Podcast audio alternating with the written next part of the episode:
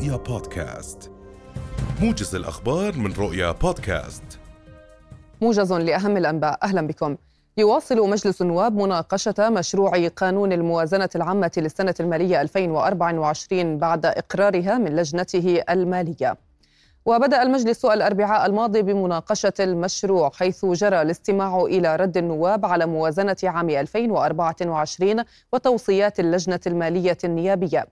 ونتوجه بالتحية إلى شعبنا الأردني البطل الذي تميز وتقدم في دعم ومساندة توأمه, الفلسطيني في قضيته العادلة ومعركته عبر التاريخ لنيل حريته. ونثمن جهود سيد البلاد جلالة الملك عبد الله الثاني بن الحسين حفظه الله ورعاه وولي عهده الأمين سمو الأمير الحسين. وعلى مواقفهم الثابتة بالدفاع عن القضية الفلسطينية والمطالبة بحقوق الشعب الفلسطيني في كل المحافل الدولية وتوجيهاتهم الدائمة لدعم أهلنا في قطاع غزة والضفة. كما نتوجه بالتحية والتقدير لكوادرنا الطبية من القوات المسلحة بما تقدمه من مساعدات طبية وإغاثة من خلال المستشفيات الميدانية والعسكرية العاملة في الضفة والقطاع. وما تقدمه القوات المسلحة من إنزالات جوية تحمل الأدوية والمواد الإغاثية لتصل بشكل عاجل. سعادة الرئيس الزميلات والزملاء الأكارم. يبلغ عدد سكان محافظة البلقاء ما يقارب السبعمائة ألف نسمة ويبلغ عدد سكان لواء عين الباشا وهو أحد ألوية المحافظة تقريبا ثلاثمائة ألف نسمة منهم مائة وخمسون ألف نسمة في مخيم البقعة وحده. وفي ذلك إشارة جلية لمدى الحجم والكثافة السكانية في لواء عين الباشا.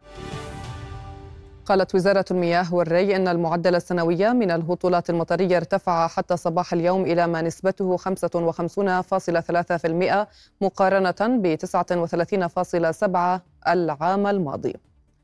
وبينت الوزارة أن كميات المياه من الأمطار التي دخلت السدود خلال الساعات الأربع والعشرين الماضية بلغت حتى صباح اليوم أربعة ملايين وخمسمائة ألف متر مكعب لترفع التخزين الكلي في السدود الرئيسية إلى 115 مليون و500 ألف متر مكعب بنسبة تخزين كلية بلغت 40% من طاقتها التخزينية. ارتفعت حصيلة الشهداء الفلسطينيين جراء عدوان الاحتلال الإسرائيلي المتواصل على قطاع غزة منذ 114 يوما إلى 26422 شهيدا وأكثر من 65 ألف إصابة بحسب ما ذكرت وزارة الصحة في قطاع غزة. اليوم. وقالت الوزارة عبر منصة تليجرام إن جيش الاحتلال ارتكب 19 مجزرة ضد العائلات في قطاع غزة راح ضحيتها 165 شهيدا و290 إصابة خلال ال 24 ساعة الماضية. هذا ولا يزال عدد من الضحايا تحت الركام وفي الطرقات حيث يمنع الاحتلال وصول طواقم الإسعاف والدفاع المدني إليهم على ما ذكرت الوزارة. قال المفوض العام لوكالة الأمم المتحدة لإغاثة وتشغيل لاجئي فلسطين في الشرق الأدنى الأونروا فيليب لازاريني. قال إن أكثر من مليوني شخص في قطاع غزة يعتمدون على الوكالة الأممية من أجل بقائهم على قيد الحياة. وأضاف لازاريني أن الأونروا هي الوكالة الإنسانية الرئيسة في غزة وتدير ملاجئ تضم أكثر من مليون شخص وتوفر الغذاء والرعاية الصحية الأولية لهم حتى في ذروة الأعمال العدائية. وحتى الثاني والعشرين من كانون الثاني الحالي نزح قرابة مليون وسبعمائة ألف شخص في مختلف أنحاء القطاع بعضهم عدة مرات فيما يتم إجبار العائلات على الانتقال بشكل متكرر بحثا عن الأمان. وصلنا إلى ختام الموجز في أمان الله.